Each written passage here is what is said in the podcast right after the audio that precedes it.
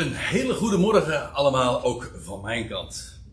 En het is mijn groot genoegen om jullie hier weer te treffen. En dit is voor mij inmiddels de derde keer dat ik hier in uh, deze samenkomsten in uh, Epe mag spreken. En ja, u begrijpt, als je uit uh, Katwijk komt, dat je er dan al een hele reet op hebt zitten. En ik heb niet kunnen genieten van het mooie weer. Dat was de vorige keer wel het geval, weet je nog? Toen we samen hier naartoe reden. Uh, maar nee, dat neemt niet weg. Het was uh, goed uh, om hier naartoe te gaan in alle rust. En te overdenken dat waar we vanmorgen eens met elkaar over ja, willen nadenken. Wat ik graag met jullie wil delen. En het onderwerp zien jullie hier achter mij geprojecteerd. De gezonde leer. Laat ik even een paar dingen vooraf daarover mogen zeggen. Die uitdrukking, de gezonde leer, die vind je in de brieven van Paulus, alleen daar. En uh, een viertal keren. En het is trouwens niet alleen maar in Paulus' brieven in het algemeen, maar je vindt ze alleen maar in zijn, wat dan altijd genoemd wordt, zijn pastorale brieven. Ik spreek liever over zijn persoonlijke brieven. Kijk, hij schreef uh, brieven aan de Corinthiërs, of aan de Colossers, of aan de Thessalonikers, nou ja, whatever. Maar dat zijn groepen. Maar hij heeft ook brieven geschreven aan personen. Bijvoorbeeld, in dit geval, aan Titus en Timotheus. Dat waren jongere medewerkers van hem en die hij geïnstrueerd heeft. En hij heeft nog meer persoonlijke brieven geschreven. Denk aan het briefje van uh, aan Philemon. En in die brieven waar ik het over had, Titus en Timotheus, gebruikt hij het woord gezond. Heel dikwijls. Negen keer maar liefst. En dat is een van die sleutelwoorden in die bewuste brieven. En bijvoorbeeld, hij spreekt over gezonde woorden. En over gezond geloof. Over gezond verstand ook. En, nou ja, dat is waar we vanmorgen dan op inzoomen. Over gezonde, over de, de gezonde leer. Daar is er maar één van namelijk. En dat zullen we ook nog zien. En misschien is het ook nog even goed om in herinnering te roepen wat we bedoelen met het woord gezond.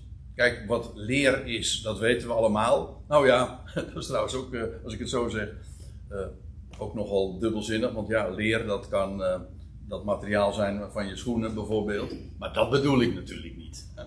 Nee, ik, ik bedoel leer, de leer in de zin van het onderwijs. De inhoud van dat wat geleerd wordt.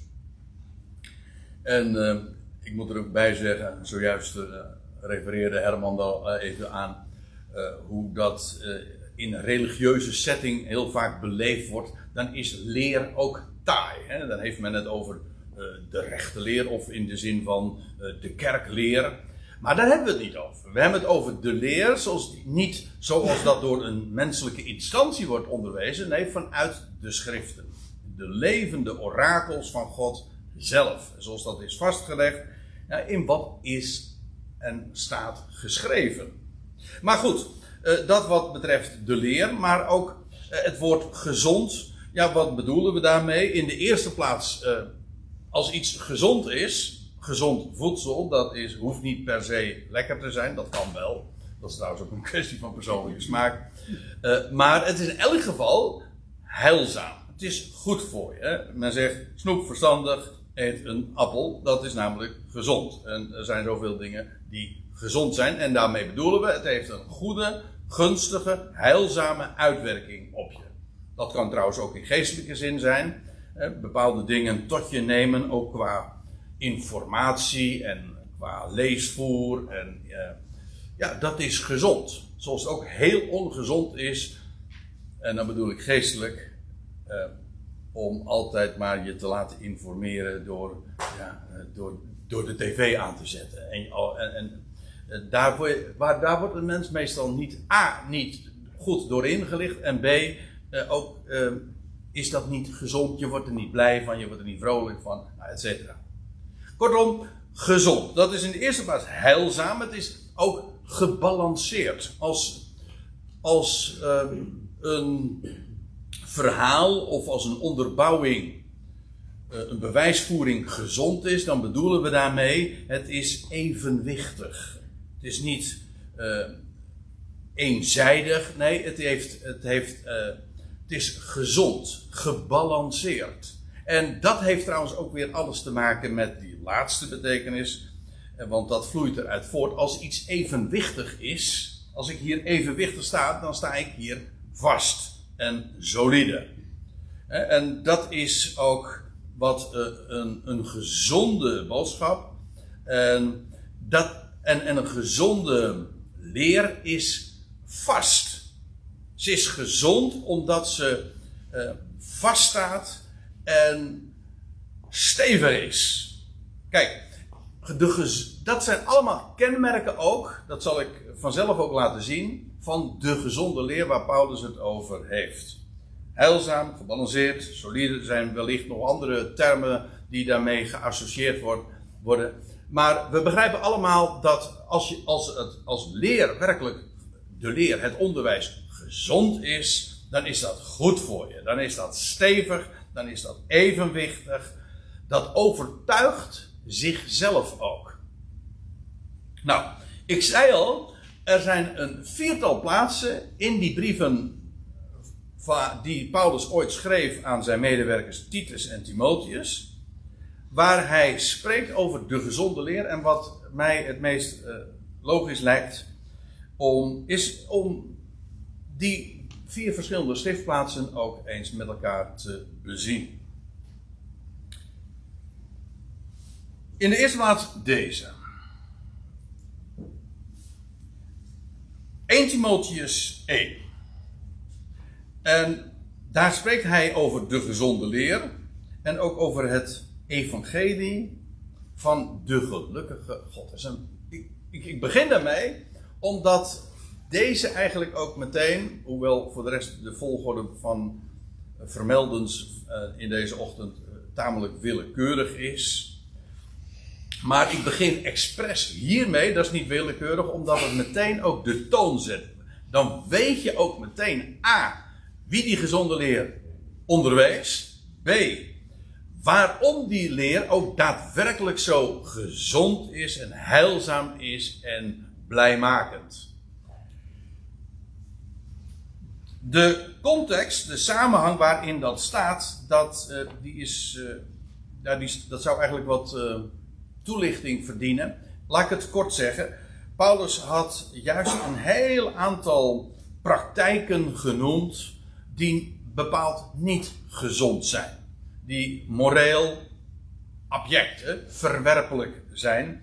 En hij, is, hij, had een hele rits genoemd. Hij noemt er in totaal 14, maar hij is niet compleet, want hij zegt, en dan is de, de laatste, en ik lees vanaf, vanaf 1 Timotheus 1 vers 10, dan zijn de laatste die hij noemt uh, leugenaars, mijn eetsplegers.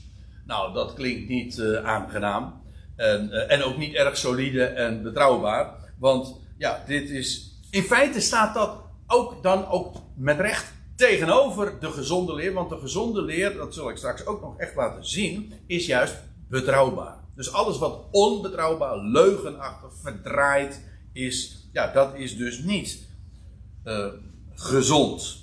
En Paulus is verre van compleet, want hij zegt: ja, voor leugenaars, voor mijneetplegers, nadat hij er al heel twaalf eerder andere verwerpelijke praktijken ook had genoemd, uh, zegt hij van nou, er is nog veel meer. Hij zegt, en al wat anders nog de gezonde leer tegenstaat.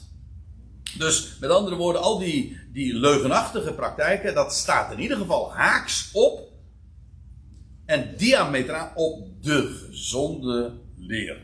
Het staat het tegen. En wat is die goede, wat is eh, de gezonde leer? Wel, die is naar het goede bericht. Ik uh, hou ervan om het in het Nederlands te zeggen. Uh, waarom? Ja, daar heb ik meerdere redenen voor. Maar uh, de belangrijkste is dat we. Ik, je kunt het gewoon lezen als het evangelie. En daar heb ik helemaal geen enkel bezwaar tegen. Want dat is namelijk het woord wat Paulus hier ook gebruikt. Naar de gezonde leer, naar het evangelie. Maar wat is evangelie? Dat is een Grieks woord. En dat betekent letterlijk angelion. En dat betekent goed bericht.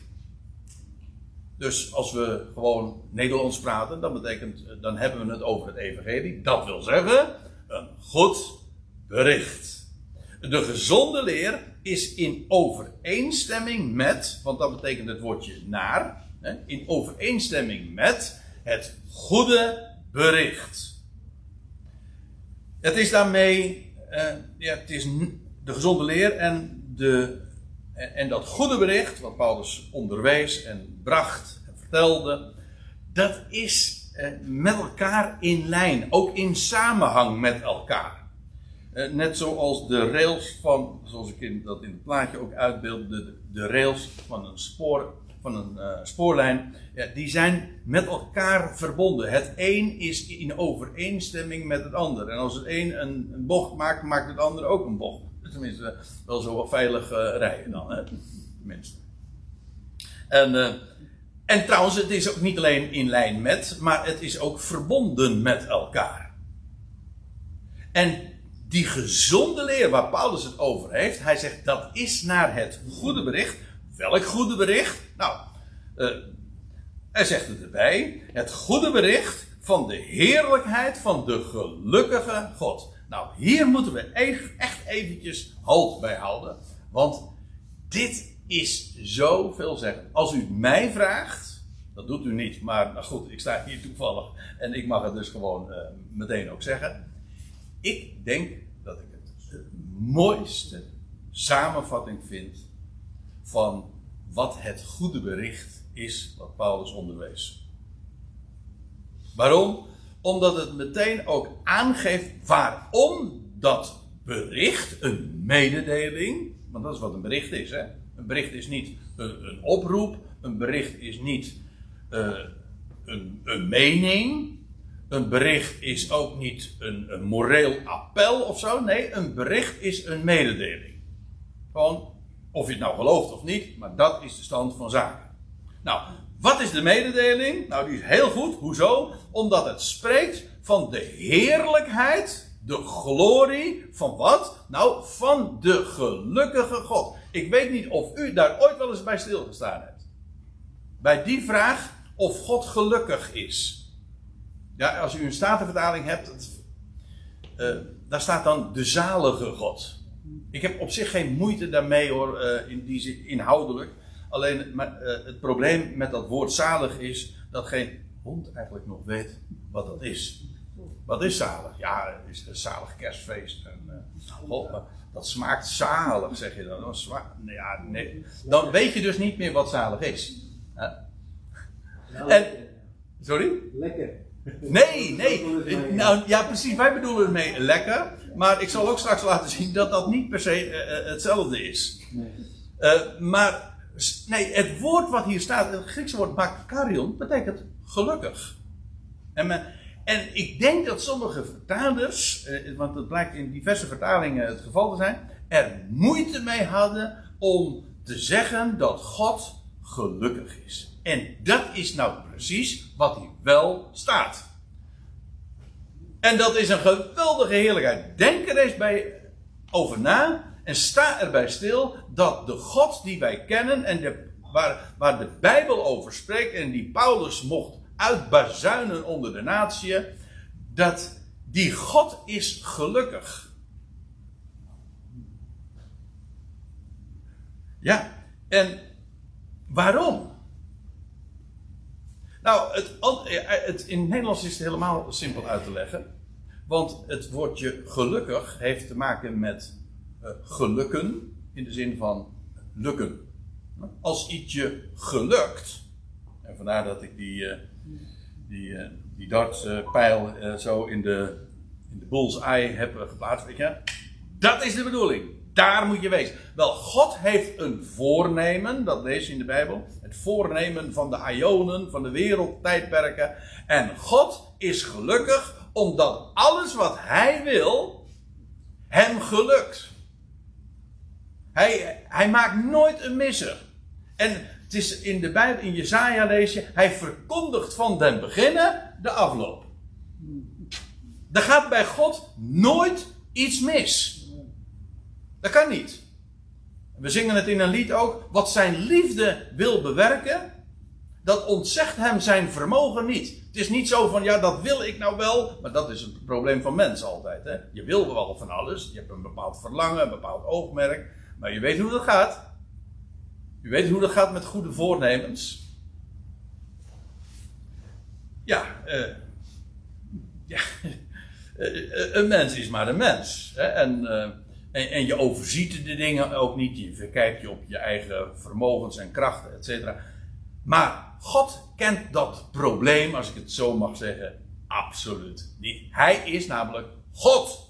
En God, dat, alleen, alleen dat woord vind ik al zo mooi, want theos, dat, dat is het woord wat hier Paulus, door Paulus gebruikt wordt, dat betekent, hij zet, hij zet alles op zijn plaats. Hij zet alles op zijn plek. Hij is namelijk God. Hij heeft alles in de hand, hij heeft alles bedacht, hij heeft alles gemaakt. En dacht u nou werkelijk dat hij die alles in de hand heeft, die ook de tijden heeft gemaakt, dat hij zelf onderworpen zou zijn aan de tijden. Nee, hij, vandaar ook dat hij aan het begin al ziet wat, hoe het af gaat lopen. Want voor ons is dat een lijn die nog moet komen, maar voor hij overziet de dingen. Kijk, hij is de creator, de schepper. En alles gelukt hem.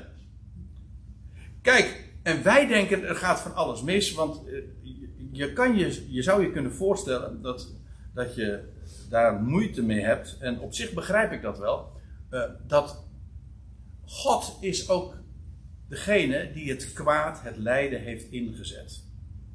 Vindt u misschien een beetje moeilijk, maar uh, het, het lijden van de tegenwoordige tijd. Ook sommige mensen denken dat dat een misser is, dat dat was niet de bedoeling. En toen is het ooit in het verleden fout gegaan. En toen moest God overschakelen op plan B, weet je wel. En nou ja, en dan maar redden wat er nog te redden valt. Forget it. Zo is het niet. God is nog steeds op plan A. Is nou, gewoon op zijn plan. Eh, is, hij is bezig met zijn plan uit te werken. Er is geen plan A, want er is namelijk geen B of C. Er is maar één. En dat voornemen vervult hij. En ook het kwaad in de wereld is geen foutje, geen bedrijfsongeval. Hij heeft het ingezet met een doel. Het kwaad heeft ook bij God een doel en daarom het is in goede handen. Het gaat uiteindelijk. Het kwaad is voor God altijd de aanleiding om het goede te openbaren. zoals een juwelier een donkere achtergrond creëert om het juweel te laten schitteren. Voor het contrast. Zo heeft God het kwaad ook ingezet. En God kent het lijden. God, je leest ook in de Bijbel dat God de God is van alle medelijden. In 1 Korinthe 1 noemt Paulus hem zo. Hij leidt met zijn schepping, schepping mee en met elke creatuur. Als er één is die werkelijk weet wat het leed in de wereld is, van elk schepsel, dan is het de schepper zelf. En desalniettemin, toch is hij de gelukkige God. Dat betekent, ondanks al het lijden, al de moeite, en ik wil dat niet bagatelliseren, maar ondanks dat alles is hij de gelukkige God. Waarom? Hij is nog steeds bezig met zijn voornemen uit te werken. het kwaad wat er is, is noodzakelijk kwaad, maar wordt meer dan. Uh, dan uh, meer dan. Uh, hoe zeg je dat? Nou, overvloedig, zo, laat, ik dat woord gebruiken. Overvloedig vergoed.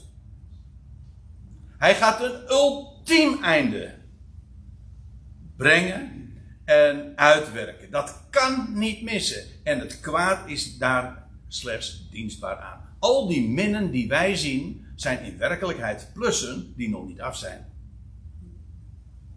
Nou ja. Dat is toch geweldig? God is de gelukkige God. Nou, en dat is zijn heerlijkheid. En Paulus zegt nou, even door. Hij spreekt over de gezonde leer naar het goede bericht van de heerlijkheid van de gelukkige God. Dus de gezonde leer is gebaseerd op en in lijn met een geweldige blijde tijding dat God gelukkig is. En dat is een glorie, want dat betekent dat er nooit meer iets mis kan gaan. En dat betekent ook werkelijk dat ik een stevige grond onder de voeten heb. Want dan weet ik, wat er ook gebeurt, er gaat nooit iets mis. Maar dat geeft vrede. Dat geeft een, een solide basis onder je bestaan. En reken maar dat dat ook blij maakt en heilzaam is. En ook evenwicht geeft in je leven. Dat je de dingen aan kan. Dit is kracht, dit is echt power. Daarom zegt Paulus ook naar het goede bericht van de heerlijkheid van de gelukkige God, want hij, hij alles gelukt heeft. Je leest eh, in een paar hoofdstukken verder in dezezelfde brief, en daar wil ik u graag even mee naartoe nemen. Dan zegt hij ook, gaat hij, heeft hij het ook over dat betrouwbare woord. 1 Timotheus 4 vers 9. Betrouwbaar is het woord. En alle verwelkoming waardig. Zo staat het er letterlijk. En dan zegt hij in vers 10, want hiertoe zwoegen wij en strijden wij. Paulus eh, was onvermoeibaar. En hij heeft, eh, hij landsgrenzen overschreden en hij werelddelen eh, heeft hij bezocht. En overal heeft hij de vlag neergezet van, de, van dat goede bericht van de heerlijkheid van de gelukkige God. Want iedereen moet weten dat er één God is. Die een geweldige glorie heeft, die werkelijk God is en ook werkelijk gelukkig is. Nou, hiertoe zwoegen wij en strijden wij omdat we onze hoop hebben gevestigd op de levende God. Die een redder is van alle mensen. Hij wil niet alleen alle mensen redden. Dat staat, dat staat trouwens in 1 Timotheus 2, vers 4. God wil dat alle mensen gered worden. Ja, zeggen sommige mensen, ja, dat kan hij nou wel willen. Maar uh, lukt hem dat ook? Of willen wij dat ook? Hij is ook de redder van alle mensen. En hij zegt, de levende God, die de redder is van alle mensen. Vooral van gelovigen. Als je dat vandaag al mag zien, heb je het grootste, het heerlijkste, het rijkste deel. Want dan ben je een eersteling. De rest weet het allemaal nog niet. Maar het is een mededeling. ja. De meeste mensen weten het niet. En willen het trouwens ook niet weten. Dat zou maar makkelijk wezen, weet je wel. Hij is de redder van alle mensen. En sommige mensen geloven het. Nou, prijs God zou ik zeggen, want hij heeft je ogen en hart daarvoor dan geopend. De redder is van alle mensen, vooral van gelovigen. En sommige mensen denken van ja, moet je voorzichtig mee zijn. Uh, uh, nee, zegt Paulus, beveel en leer deze dingen. Niet uh, dat het zeg maar een, een, een, optie is, zoiets als een, een soort aanbeveling of een advies. Nee, beveel leer deze dingen. Niet omdat iedereen dat zo aangenaam vindt. Nee, want Paulus zegt ook: hiertoe zwoegen wij en strijden wij. Het geeft, het geeft verzet, oppositie. Reken daar maar op. Maar vertel het. Hij is de gelukkige God, want alles wat hij beoogt en zich voorneemt, dat gelukt hem. Leer deze dingen. Dat is dus gezond. Dat is gezonde leer. Ja, en dan zegt hij nog naar het goede bericht van de heerlijkheid van de gelukkige God, dat mij, Paulus, werd toevertrouwd. Hij die de apostel van de natie is. Hij mocht hierover spreken. De tweede plaats die ik met jullie wil overwegen, waar ook die uitdrukking, het, uh, nee, de, de goede leer wordt gebruikt. En dat is in Titus 1. Paulus had Titus achtergelaten op het eiland Kreta. Zegt, nou dat is aantrekkelijk, dat zou ik ook wel willen. Uh, ja, nou, uh, ik moet erbij zeggen. Uh, daar was ook nogal wat oppositie. En Paulus had daar het evangelie gebracht. En er waren in allerlei steden waren daar ecclesia's ontstaan. Geloofsgemeenschappen. Ik bedoel, je brengt een boodschap. En sommige mensen geloven dat. Die zeggen, wauw, geweldig. En zo ontstaat er een kring van gelovigen.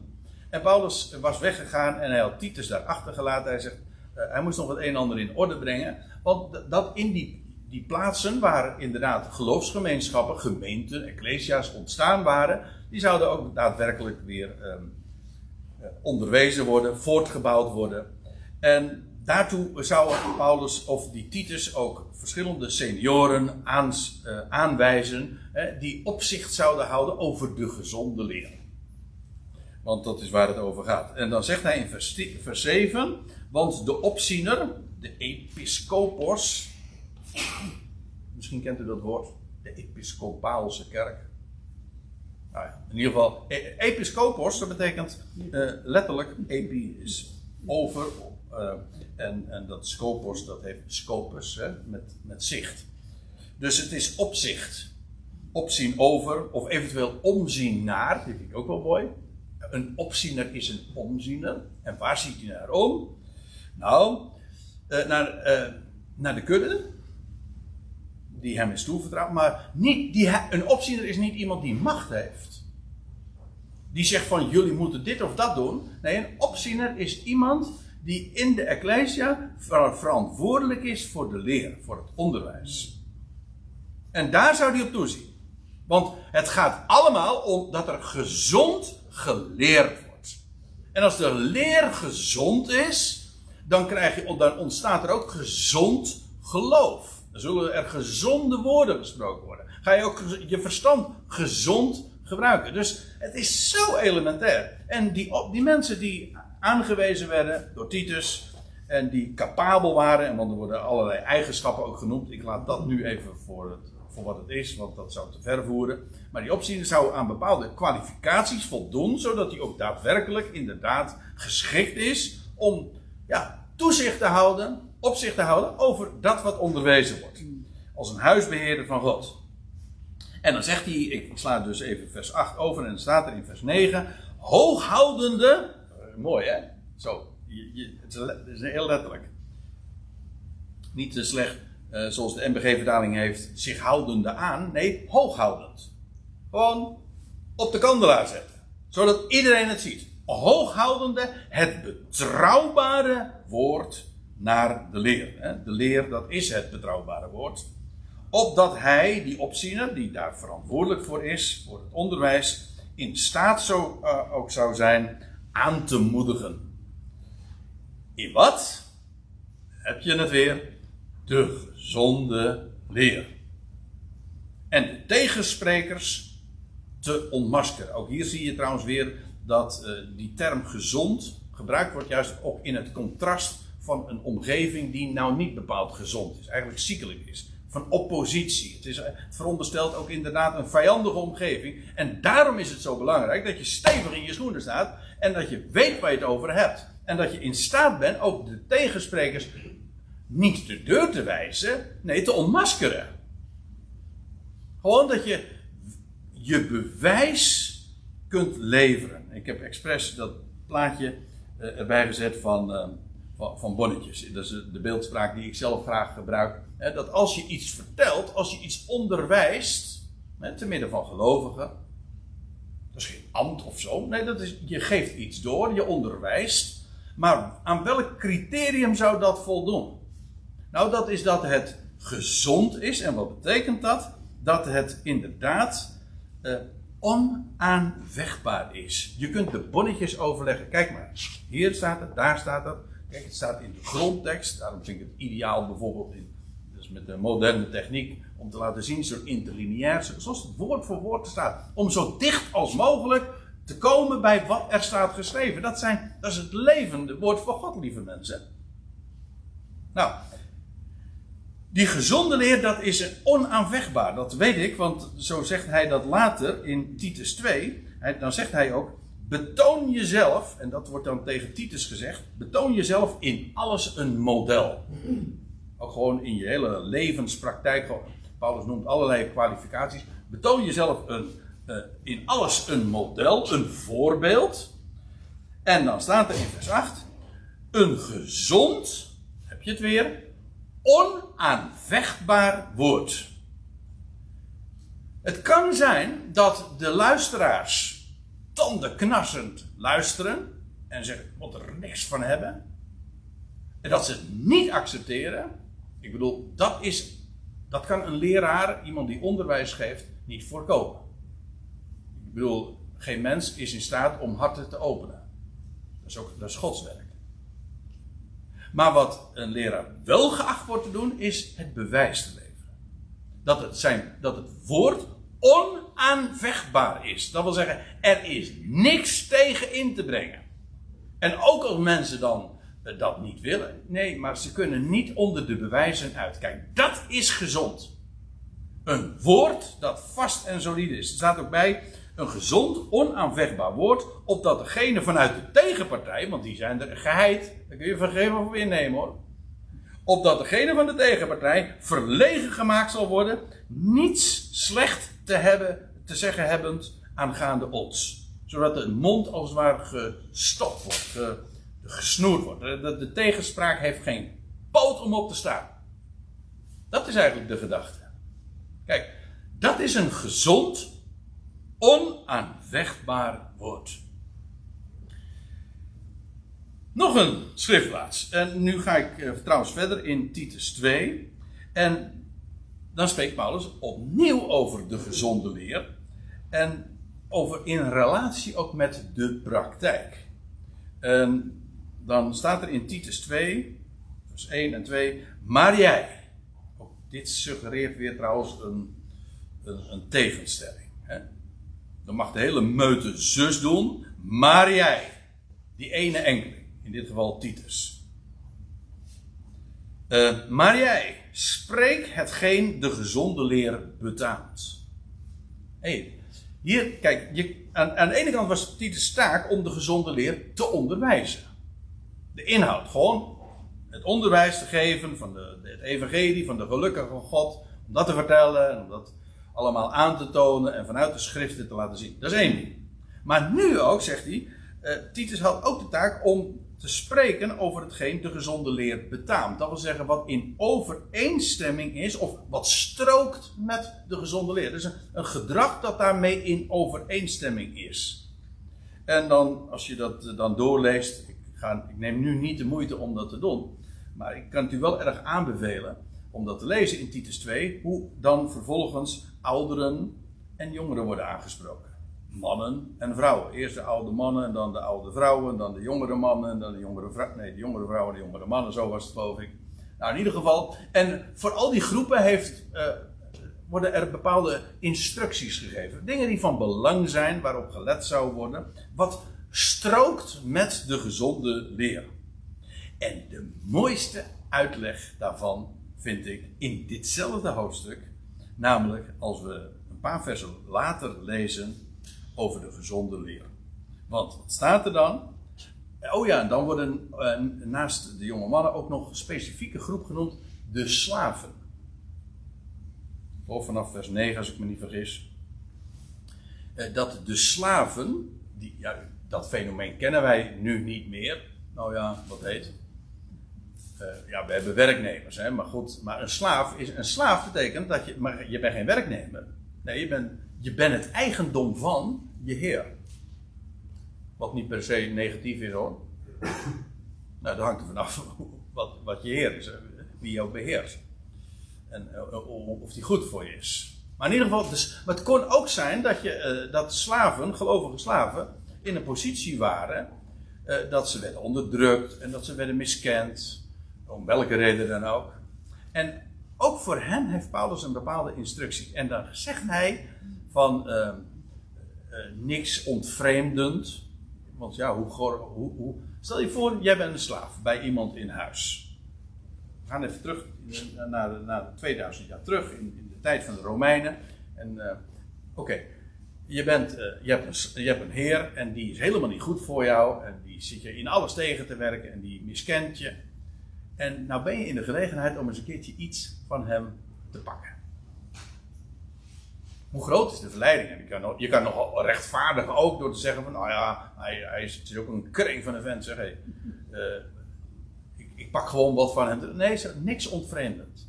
Hem, het hem in alles naar de zin te maken. Zeg dat is toch onmogelijk. Ja, maar zegt Paulus, kijk, dan zegt hij dit. En motiveert hij dat? Met opdat zij, en dan gaat het hier specifiek over de slaven, opdat zij de leer van God onze redder, het onderwijs van God, die onze redder is, zouden versieren in alles. Kijk, dat is het mooiste. Het, waar gaat het eigenlijk om in, onze, in de praktijk?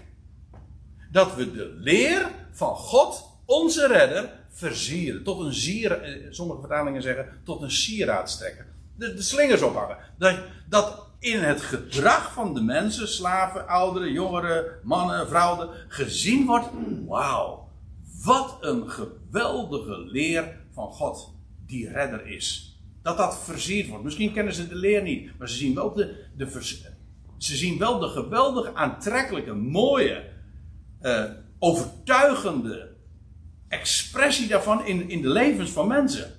Hoe, over, hoe geweldig is dat? Kijk, sommige mensen zeggen van de leer is niet belangrijk, het gaat om de praktijk. Ik zeg opnieuw, forget it. Dat is niet zo. Het, ik, zeg, ik ga het omkeren. Het gaat in de praktijk om de leer. Ja, niet de kerkleer, maar de gezonde leer. De leer van God, onze redder. Want ja, dat is toch de, de boodschap. Het onderwijs, dat is dat God een redder is. Hij is de gelukkige God. Hij is de redder van alle mensen, speciaal van, van gelovigen. Dat ze dat tot een versieraad strekken in alles in je leven. Opdat zij de leer van God, onze redder, zouden versieren in alles. Dus in elk facet van je bestaan. Wat een uitdaging. Om zo in je leven die leer van God te versieren. Dat mensen, ook als ze de leer zelf miskennen of niet accepteren, dat ze in ieder geval erkennen: wauw, wat een geweldige uitwerking heeft dat onderwijs in die levens. Opdat ze de leer van God, onze redder, zouden versieren in alles. Want, nou, Paulus gaat nog uitleggen, en, maar goed, nu gaan we. Nu wordt het een herhaling van zetten, want hier staat precies weer wat ik zojuist al zei. Want, zegt hij, Hoezo? De leer van God onze redder? Nou, de genade van God is verschenen. Reddend voor alle mensen. Iedereen moet het weten. Gods genade is overtreffend en universeel voor alle mensen. Dat moeten ze weten. Dat is een mededeling en of ze het nou geloven of niet, dat is de waarheid. En dat mag in je leven getoond worden, gedemonstreerd worden. De heerlijkheid mag daarvan getoond worden. Hang de slingers maar op. Dat is de gedachte. Hoe geweldig dat is. Nou. Nou gaan we nog naar de laatste schriftplaats. En dat is uh, in 2 Timotheus 4. De laatste keer dat Paulus deze term gebruikt. Ja, dat kan ik rustig zo zeggen. Want de tweede Timotheusbrief heeft Paulus geschreven. Dus een afscheidsbrief. Vlak voor zijn executie. Hij, hij zegt in 2 Timotheus 4 ook. Hij zegt: Het tijdstip van mijn verscheiden ligt, staat voor de deur. Hij zegt: Ik ga als een plengoffer geofferd worden. En is dit een trieste brief? Allerminst. Kijk, over de power gesproken van evangelie, van een goed bericht, van gezonde leer. Dan ben je zelfs bestand tegen zulk onheil. Paulus wist, hij kende zijn God. Er gaat bij hem nooit iets mis. Dus ook dat krijgt een plaats. En, maar ja, ik zeg, deze brief is heel optimistisch. In die zin van, ja, het, het getuigt van, van wie God is. Dat evangelie is werkelijk een evangelie. Ook als je op het punt staat dat ze, dat ze je, je kop eraf hakken. Om zo te zeggen. Zo is die vermoedelijk niet geëxecuteerd. Maar uh, hoe dan ook, uh, executie, dat is niet fijn. Hm? Moet je je voorstellen. Maar Paulus is blijmoedig. En tegelijkertijd, dat is de maar, ook niet negatief, maar uh, dat moet je wel weten. En dat is dat Paulus ook in deze brief waarschuwt. Heel sterk zelfs. Want Paulus zegt al van. Had een geweldige tijding uh, uh, gebracht. Maar allen die in Azië waren, dat zegt hij in 2 Timotheus 1. En Paulus had in Azië, in die landstreek, in, die, dat deel van, van, kleine, van Turkije, zeg maar, van, wat is het? West-Turkije. Had hij heel wat ecclesia's waren daar geplant. En dan zegt hij, vanuit de gevangenis, vlak voor zijn executie, tegen Timotheus. Alle die in Azië zijn, die hebben mij verlaten. Maar dan zegt hij tegen Timotheus: Dit is, dit is um, exemplarisch. Zo zal het gaan. de christenheid. Paulus had een heel uitgesproken pessimistische visie op de toekomst van de christenheid. Hij had een geweldige tijding doorgegeven, maar hij wist, het wordt verkwanseld. En van de christenheid blijft bijna niks over. Hij spreekt ook in, in 2 Timotheus 3. Hij zegt: Weet wel dat, in, uh, dat uh, de laatste dagen zwaar zullen zijn. En, en, en dan geeft hij allemaal kenmerken van hoe het zal zijn in de christenheid. Met meer liefde voor God. Nee, met meer liefde voor genot dan voor God.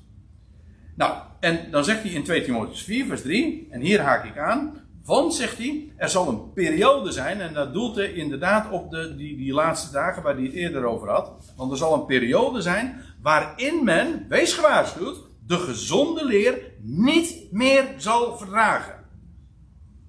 En als ik u nu vertel dat wij echt in die laatste fase zitten, dat kan niet missen, dat is nou niet het onderwerp.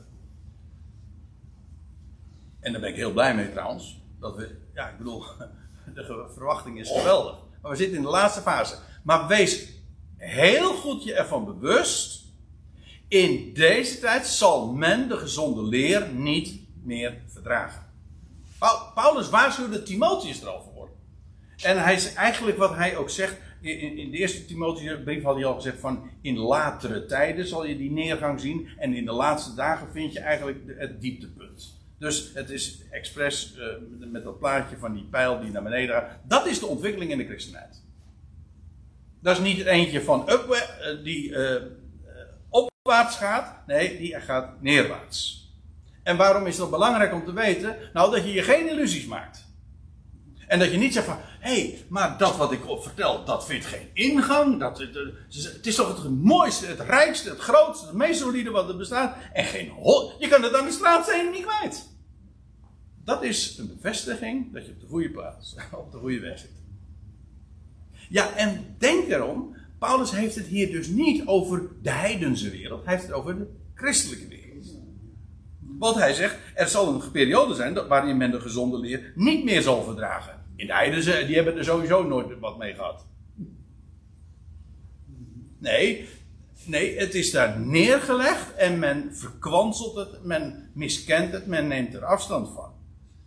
Dat men, dus men zal het niet meer verdragen. Je komt met die gezonde leer eraan in de laatste dagen en men, oké, okay, dat is generaliserend, in het algemeen. Natuurlijk, er zijn uitzonderingen, natuurlijk. Hepen, nou ja, sorry. Uh, hè? Nou, er zijn meer plaatsen op. Maar waarin men de gezonde leer wel verdraagt. En gezonde leer is niet een bepaalde leer of een, of een bepaalde leraar. Nee, daar gaat het niet om. De gezonde leer is dat wat er staat geschreven. En zoals Paulus dat onder de natieën mocht brengen. Dat is het criterium. Nou, en test het maar. Komt het daarmee overeen of niet?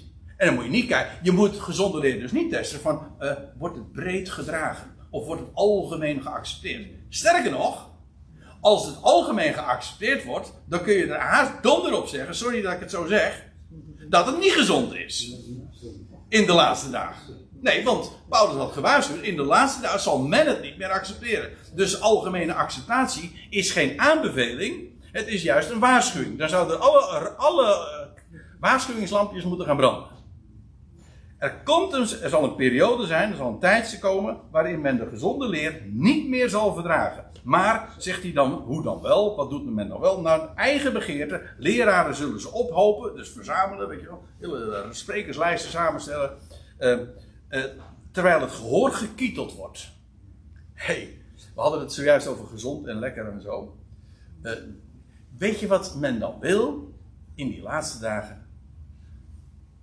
Dingen horen die fijn zijn, die lekker zijn. Die lekker in het gehoor liggen, die makkelijk te behappen zijn. En die in lijn zijn met wat allemaal gezegd wordt.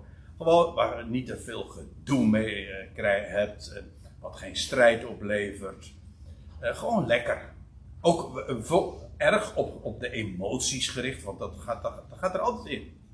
Het moet, niet, het moet niet, of het waar is, dat is dan niet belangrijk. Nee, of het lekker klikt. Of het fijn is, of, of dat ik er door aangesproken word in de zin van dat mijn emoties daardoor getriggerd worden. Of dat, en uh, je kunt dat heel makkelijk werken met, met, met fijne muziek. Eh, en, muziek is prachtig, muziek kan prachtig wezen. Het gaat er niet om dat dat niet mooi zou zijn. Maar als dat, als de, de mooie tonen, de mooie instrumenten, of allerlei lichteffecten, of mooie kathedralen, weet je dat wat de zintuigen streelt. We zeggen, oh, prachtig. Ja, maar dat kietelt het gehoor. En dat, dat is misschien fijn om zo in zo'n setting te zijn, maar het zegt niks. Paulus waarschuwt dat men de gezonde leer niet zal verdragen, maar naar eigen begeerte leraren zullen ophopen. Dus ze, ze, ze, kennelijk zijn die er bij, bij bosjes. Legio. Je kunt er hele lijsten van opstellen. Ja, terwijl, terwijl het gehoor gekieteld wordt. En zij inderdaad van de waarheid het gehoor zullen afkeren. Dus aan de ene kant lekkere dingen. En alles wat goed in het gehoor ligt, dat, dat wil men horen. En sterker nog, dat is het criterium. Ligt het lekker? Maar het enige echte criterium, namelijk, is waar. is het enige wat echt de zaken doet voor onderwijs. Niet of het leuk is, of aangenaam, of breed geaccepteerd wordt. Dat zijn allemaal misleidende criteria. Het enige echte criterium wat het toe doet, is: is het waar? Kunnen de bonnetjes overleggen? Is het solide? Kunnen de bewijzen geleverd worden? Want, en het heerlijke daarvan is, dat is ook niet uh, emoties, u weet hoe dat gaat, hè? Emotie, daar zit het woordje motie in. En motion, beweging. Dat, dat is zo, vandaag hier en dat morgen daar. En het geweldige van waarheid is, ze zeggen dat ook, hè? De waarheid is zo hard. Ja, heerlijk. Heerlijk dat de waarheid hard is. Weet u waarom? Je kan erop staan. Zoals een rots ook heel hard is. Ja, maar dat is het geweldige. Dat is namelijk hoe je je ook voelt. Die waarheid staat. Hij is God. Hij is de gelukkige. Hij heeft alles in de hand. Bij hem gaat er nooit iets mis. Kijk, dat verandert never, nooit. Hoe ik het ook voel, of ik het. Of Oké, okay, laat er dan een keer een dag zijn dat, dat, dat, ik dat helemaal niet voel. Nou en? Alsof je het moet voelen. We leven uit geloof, niet uit gevoel. Hij zegt het. Staat geschreven. Dat is bodem. Dat is rots waarop ik sta. Kijk, dat is wat, je, wat onderwezen zou worden. Dat is gezond. En Paulus waarschuwt, ja, maar weet dit, in de laatste dagen, in die, dan zal men de gezonde leer niet meer verdragen. Men keert het gehoor af van de waarheid en ze willen alleen maar gekieteld worden in het gehoor. En naar de mythen, verzinsels. Misschien heel knap bedacht, maar het zijn mythen. Bedenksels van mensen. En daar zullen ze zich naar wenden. Dus waarheid versus lekker in het gehoor. Maar jij, zegt eh, Paulus dan, maar jij heb je het weer. Maar jij, weer dat grote contrast tegenover iedereen, of wat men doet, maar jij. Niet meer jullie zelfs, de groep, nee, de enkeling. In feite spreekt Paulus de enkeling aan. De groep was toch al niet meer te bereiken. Maar jij, wees nuchter in alles. Niet beneveld, hè. Nee, gewoon nuchter. Zodat je ook de waarheid kan onderscheiden. Kwaadleidend, dat wil zeggen, je weet gewoon, je zult oppositie ondervinden. En, en ook smaad en, nou ja, et cetera. Doe het werk van een evangelist. Dat wil zeggen, vertel het geweldige goede bericht. En verricht je dienst, je bediening ten volle. Sta voor, maar ook sta op de gezonde leer. En dat betekent, inderdaad, je zal smaad te dragen krijgen. Maar ook, je zal daardoor en daarin juist vaststaan. Solide. Want het is waarheid. En het maakt het grote verschil. En kijk, in, eh, het betekent eigenlijk dit. Dit is het afscheid, dit is het laatste plaatje wat ik heb. Je ziet hier uh, nee niet psalmen, psalmen, uh, die, die tegen de stroom in zwemmen. Wat zeg ik? Zwemmen, springen. En dat is zeer zwaar. Maar dit is het kenmerk van een levende vis. Weet u, een dode vis doet dit niet. Echt niet. Die zwemt niet mee, die, gaat gewoon mee. Kijk, als je niks doet. Als je gewoon met de stroom laat meegaan, dan ga je gewoon, ja, gewoon met de meute mee. Daar hoef je niks voor te doen. Je, je, je gaat gewoon mee. Een levende vis, die zwemt, dat is een kenmerk van een levende, die zwemt tegen de stroom in. Is dat leuk om altijd maar tegen te zijn? En dan ben je altijd weer. En dat roept de smaad op, want je, ja, het, maar ik kan u ik vertellen, je kan heel wat beter in je uppie de goede richting op gaan, dan met de grote meute de afgrond in. En daar gaat het om. Uh, een levende vis te zijn, en weet u wat het allermooiste is, vind ik. Als je levende vis bent, ga je tegen de stroom in. Maar ook, als je tegen de stroom ingaat, dan kom je steeds dichter bij de bron. Hè? Dat is, dat is wat tegen de stroom ingaan betekent. Je komt dichter bij de bron. Bij de bron van levend water. En dan hebben we het weer over de waarheid, het levende woord van God. En daar wilde ik het graag bij laten voor vanmorgen.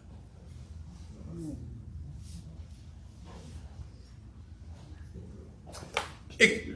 Ja, Sluiten we nog af met dankgebed, ja, of doe jij dat? Ik sluit nog af. Ik heb uh, Oké. Okay. Okay. aankomen. Ja. Goed, dankjewel uh, André. Een, uh, een hele mooie boodschap. Ook een heftige boodschap. Een aansporing voor ons allemaal dat we dicht bij het woord van God blijven. Het gezonder worden. We gaan daar tegen de stroom in dan gaat het tegen de menigte in. We hebben het woord van God ontvangen. En de gezonde woorden. En laten we ons ook uh, daarbij blijven.